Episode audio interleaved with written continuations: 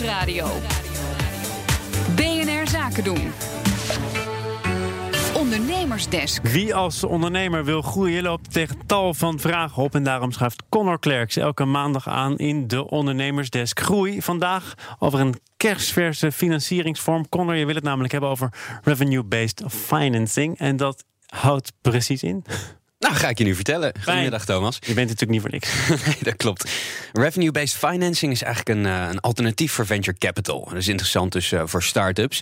In Amerika wordt het al meer gedaan, in Nederland nog niet zo. En uh, ja, in het kort werkt het eigenlijk zo. Stel, jij leent een ton revenue-based, dan ga je dat via je omzet terugbetalen. Dus revenue-based betekent. Gemiddeld betaal je dan zo'n 5% van je omzet maandelijks. En daar, dat betaal je eigenlijk net zo lang totdat de investeerder drie keer zijn investering teruggeeft. En dan drie keer? Drie keer, ja, dat is wel pittig. Ja. Maar um, de financier heeft dan het risico dat het wat langer duurt... maar die weet eigenlijk wel precies wat hij eruit gaat krijgen. En als start-up geef je dus eigenlijk een deel van je omzet weg. Ik sprak erover met Joachim Blazer van Venture Value. Hij werkt aan het eerste Revenue-Based Finance Fonds in Nederland. En uh, ja, waarom hij de eerste is, dat wilde ik eigenlijk wel weten. Ja, dat is mij ook een volstrekt raadsel. Want het is een soort witte vlek tussen enerzijds subsidies voor de hele vroege start-ups en venture capital voor de wat latere start-ups. En er is een soort uh, valley of death in het midden, die iedereen ook wel herkent, uh, maar waar nog niks voor is.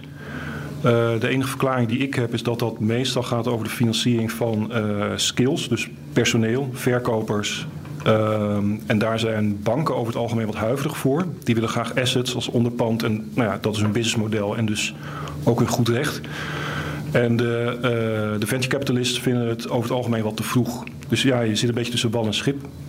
Ja, venture capital is vaak meer geïnteresseerd in je bedrijf als je iets verder bent. En, uh, ja, en dat gat wat daar dus ontstaan is, daar wil Joachim Blazer graag in springen. Ja, want hoe ver moet je dan zijn? Voor welke start-ups is dit interessant? Nou, volgens Joachim moet je wel al wat omzet hebben. Als je bijvoorbeeld nog uh, drie jaar lang aan je proof of concept moet werken, ja, dan kun je beter kijken naar uh, subsidies. En ja, die zijn er ook gewoon.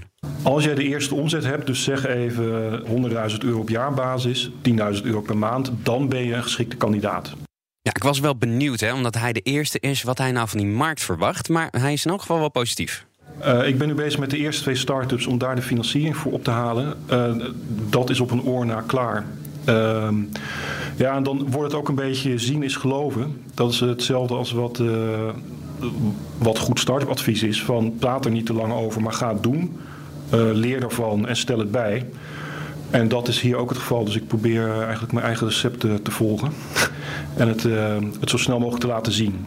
En dan, uh, ja, dan is de sky the limit volgens mij. Want zeker voor Nederland en Europa lijkt dit het ideale instrument wat nog ontbreekt. De sky is the limit. Ik snap het optimisme, maar ik ben zelf even blijven hangen in dat je drie keer uh, dat moet teruggeven wat die investeerder in jou investeert.